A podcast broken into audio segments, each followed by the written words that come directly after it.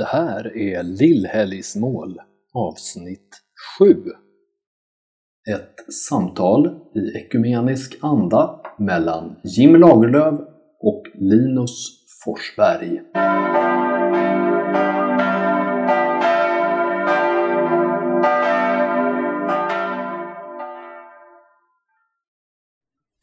Då säger vi hjärtinligt välkomna till sjunde avsnittet av Lillhelgsmål. Ja, det är sjunde avsnittet och det är första avsnittet då vi sitter på samma plats, Jim. Det Precis. tycker jag är härligt. Ja, Här sitter vi i eh, mitt kontor i centrala Uppsala. Mm, precis. I en liten provisorisk poddstudio. Precis. En gammal, gammal mikrofon hittade jag i ett, min garderob hemma. Fall, jag tror att ljudet är bättre nu än vad det har varit eh, tidigare. Men eh, vi får väl se om vi kan göra det ännu bättre längs vägen. Hur är läget annars? Ja, men det är bra. Jag har kommit tillbaks till Uppsala från en resa. Jag har varit både i Göteborg, då var jag såklart i Göteborgs domkyrka. Jag har varit i Lund, då var jag såklart i Lunds domkyrka. Och eh, ja, men jag har samlat krafter och förberett mig nu inför slutet av sommaren och början av hösten. Jag har bara förberett mig inför det här eh, avsnittet faktiskt. Nej, jag har också börjat eh, att eh, se framåt mot hösten lite grann. Jag har börjat potträna min dotter inför att hon ska börja hos dagmamma nästa vecka bland annat. Mm, det är mycket med det där. Så har jag kommit tillbaka hit till jobbet eh, sista veckorna på mitt jobb Sankt Lars katolska församling här i Uppsala. Okej, man kan väl säga så här. Vi sitter här därför att vi har läst söndags evangeliet, kommande söndags evangelium. Det stämmer och om vi börjar i Svenska kyrkan så är vi inne i elfte söndagen efter trefaldighet. Överskriften för den här söndagen är tro och liv. Och vi läser från Lukas evangeliet 18, verserna 9-14. Och de handlar ju om när Jesus drar en liknelse om farisén och tullindrivaren i templet. Där farisén kommer och är väldigt väldigt, väldigt nöjd med sin fromhet. Ber, tackar Gud för sin fromhet och eh, lyfter fram hur farisén lever ett bättre liv, ett mer rättfärdigt liv än tullindrivaren. Är det han som säger “Jag tackar dig för att jag inte är som tullindrivaren”? Ja, precis. Och Just och just inte bara ja, tullindrivaren stort utan verkligen pekar bara tullindrivaren där borta. Det är väldigt specifikt att det är inte att jag inte är en tullindrivare utan jag ska inte vara som han där borta. Eller tack för att jag inte är som han där borta. Medan tullindrivaren sen ber en bön och eh, erkänner sig som syndare och eh, ber om Guds förbarmande och nåd. Slår sig för bröstet tror jag det står. Ja, nu blir jag lite osäker på om, det tull, om tullindrivaren gör det. Ja, Gör den inte det? Kanske jag har fel det. här. Ja. Ni får kolla era biblar, eller hur? Ni får öppna bibeln för en gångs skull och titta, vad står det egentligen? Precis. Beror, kan kanske variera också lite från översättning till översättning. Ja. Men det här avslutar i alla fall med att eh, Jesus tydliggör att eh, den som gick därifrån rättfärdig, det var tullindrivaren. Jag tänker att det här är ganska viktigt någonstans att vi påminner oss om. Vi har varit inne på det lite förut i, i Lillhällsmål. Att vi ibland tycker att eh, det finns en bakläxa bland, eh, bland oss kristna i vårt förhållningssätt till varandra i ja, men att vi ibland skulle behöva bli bättre på att ödmjuka oss. Och någonstans är det ju det som den här texten bland annat också påminner oss om. Att farisén lever kanske helt enligt lagen, följer budorden. Men farisén missar samtidigt sin nästa. Farisén missar att också tullindrivaren ska in i Guds rike. Farisén sätter sig högre än sin medmänniska. Jämför sig på ett sätt som helt plötsligt tar bort all, allt gott som farisén eventuellt har gjort. Mm. Och det man framförallt glömmer när man agerar som farisén, det är vem Jesus kom för. Jesus kom ju för alla oss människor.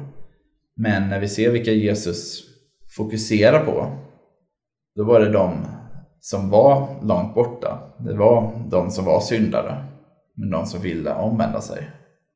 Det var de som inte dagligen var Guds bästa barn, men som verkligen behövde och skulle söka sig till Guds rike.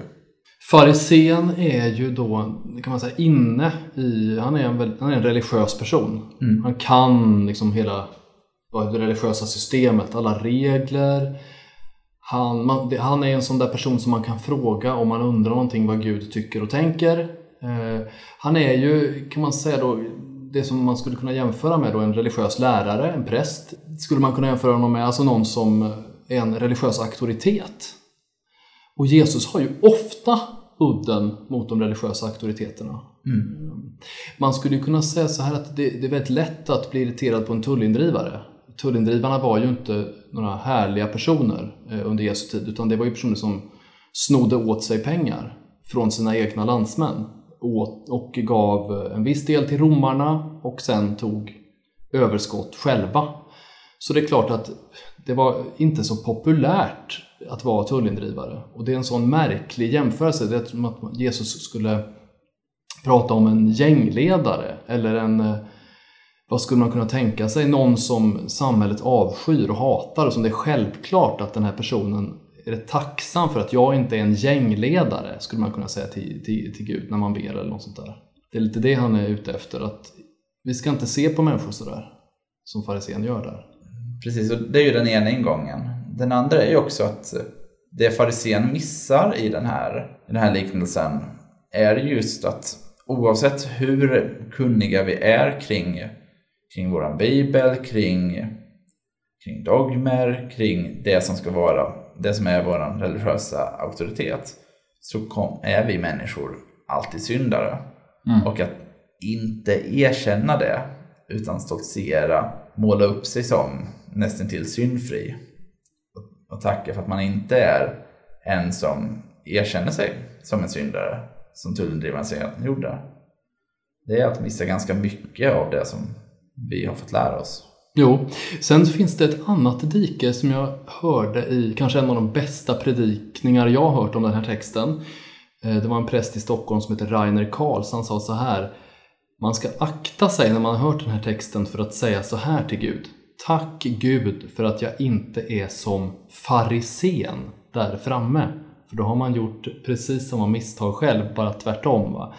Vi vill göra så, vi vill alltid jämföra oss. Tack för att jag inte är som den och den. Och det, det funkar så bra att ha en fiende.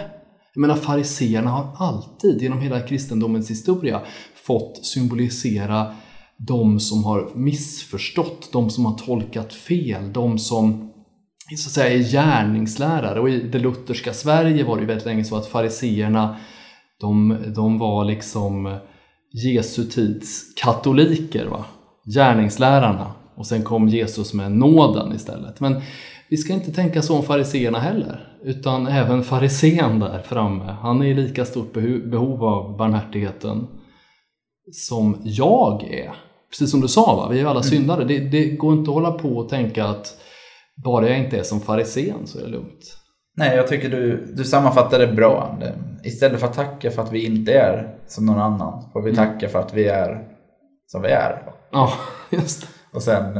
Och be om förlåtelse. Ja, precis. Och sen ja. be om förlåtelse för det. För alla våra brister. Okej, okay. men vad tar du med dig då? Vad ska du, hur ska man leva den här texten, tänker du, när du har läst den?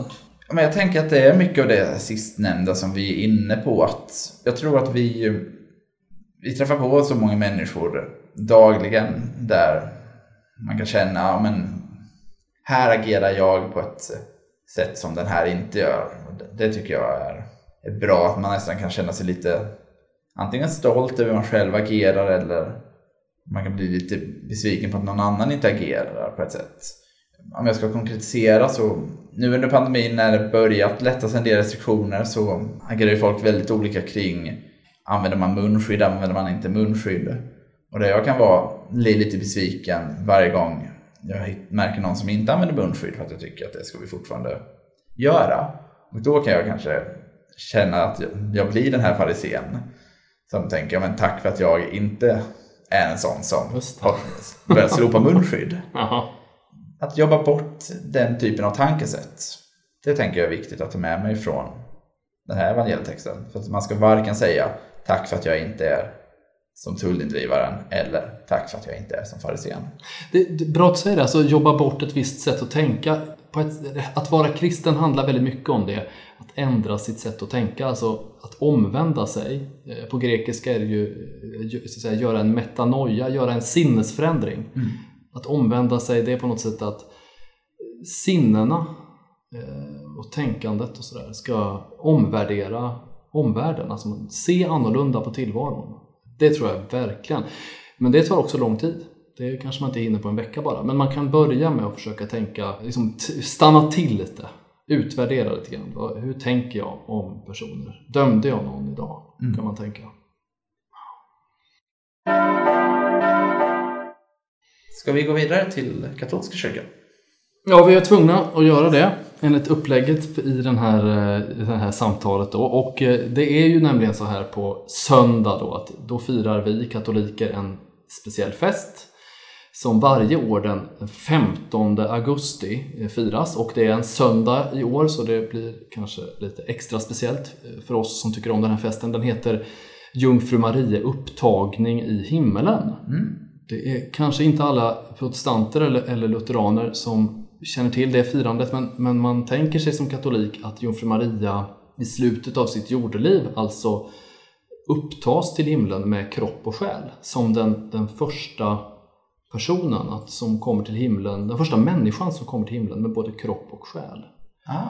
Eh, precis som Elia kan man jämföra med i Gamla Testamentet eller, eller Jesus då som gör sin himmelsfärd. Eh, och eh, evangeliet som vi läser då, det är från Lukas evangeliet eh, när Maria har besökt Elisabet och hon sen stämmer, stäm, eller brister ut kan man säga i sin lovsång, Marias lovsång.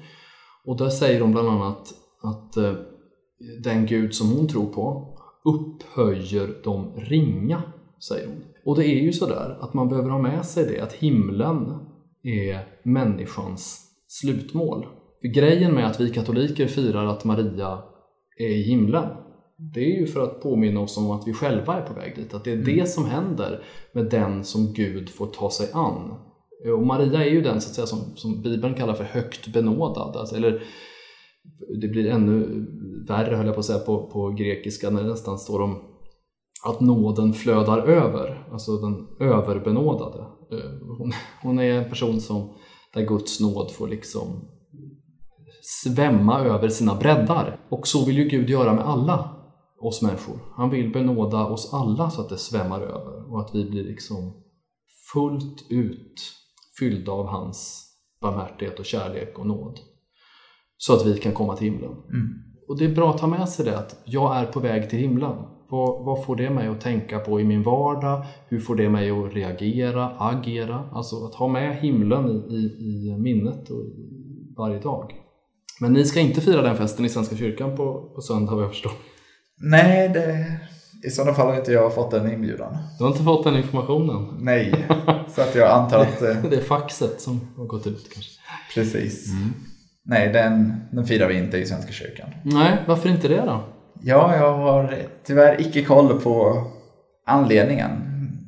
Min spontana reaktion när jag hör dig berätta om detta är att jag tycker att eh, åtminstone själva budskapet, att påminna sig om att vi är på väg till himlen, är ett väldigt gott budskap. Så jag har svårt att tänka att det är det som gör att Svenska kyrkan inte firar det. Men jag vet faktiskt inte. Nej, det, nej precis. Jag skulle kanske gissa då eh, att det handlar och har att göra med reformationen och mm. att man tog bort många Mariafester, att man tyckte att Maria stod i vägen för, för Jesus och så. Eh, ja, det finns det såklart, den kritiken har man hört som katolik att Maria står i vägen, lyft bort Maria och så får Jesus ta mer plats och så. Men jag tror att som katolik så tänker man nog att genom Maria så förstår man bättre vem Jesus är. Eller i allmänhet att helgonen finns med, att vi kan se Guds verk, Guds handlande genom människors liv. Liksom. Vad Gud gjorde i Marias liv säger någonting såklart om Maria, men i första hand säger det någonting om vem Gud är. Mm. eh, vem, vad Gud gjorde i Johannes döparens liv eller vem du vill av, av eh, de heliga personerna. Det säger någonting, såklart säger det någonting om personen men det säger ännu mer om vem Gud är. Och här handlar det då om eh, att han vill att vi, hela vi, vår kropp och vår själ, ska få komma till himlen till sist. Så det, det handlar liksom om att förstå det, att eh, Gud vill ha med hela vår person att göra. Mm. Ja. Eh, Och jag, ja, för mig personligen, hur ska jag leva det här kan man undra. Hur ska jag leva det här under veckan? Jag, jag, jag är väldigt glad över den här festen. Jag ska leva den genom att verkligen fira och tänka på att himmelriket är på riktigt och att det är en plats där jag kommer få vara i evighet både med min själ och min kropp. Alltså kommer vara en, en tillvaro som, man, som inte är 100% olik den tillvaro jag känner till nu. Utan, för jag menar min kropp, den verkar i den fysiska världen. Och då måste det finnas sådana dimensioner i himlen. Himlen kan inte vara så att säga, fundamentalt annorlunda utan det måste finnas någon koppling till vad jag redan känner till. Ehm, och det tänker jag, det får kasta ljus över min vardag, att jag kan se att kanske himlen redan också går att upptäcka och märka här, i allting som är positivt och härligt i mitt liv på jorden. Att jag liksom, det är glimtar av himmelriket, att jag faktiskt får tänka så. Jag ska vaccinera mig nästa vecka så jag kan behöva det här som tröst också. Nej men precis. Nej, men jag tycker att det låter som ett väldigt gott sätt att leva ut evangeliet på. Som du säger, himlen är nära, vi är på väg dit. Men med det sagt får jag ändå hoppas att det dröjer ett antal veckor kvar tills vi båda hamnar där. Så att vi får Verkligen. sam- samtala igen om Mm. nästa söndag och nästnästa söndag. Vore trevligt om vi, om vi åtminstone hinner runt ett år innan. Ja, eller åtminstone en vecka. Man tänker ju att det måste vara roligare ändå i himlen än att sitta här. Eh, Nu är ju det här väldigt, väldigt trevligt det här samtalet. Men jag tänker på att det är ännu, tänk dig det, föreställ dig något som är ännu trevligare än det här. Wow! Ja, det är Det- så, så. Tack så jättemycket till er som har lyssnat. Vi hörs igen om en vecka. Det gör vi. Ha det bra.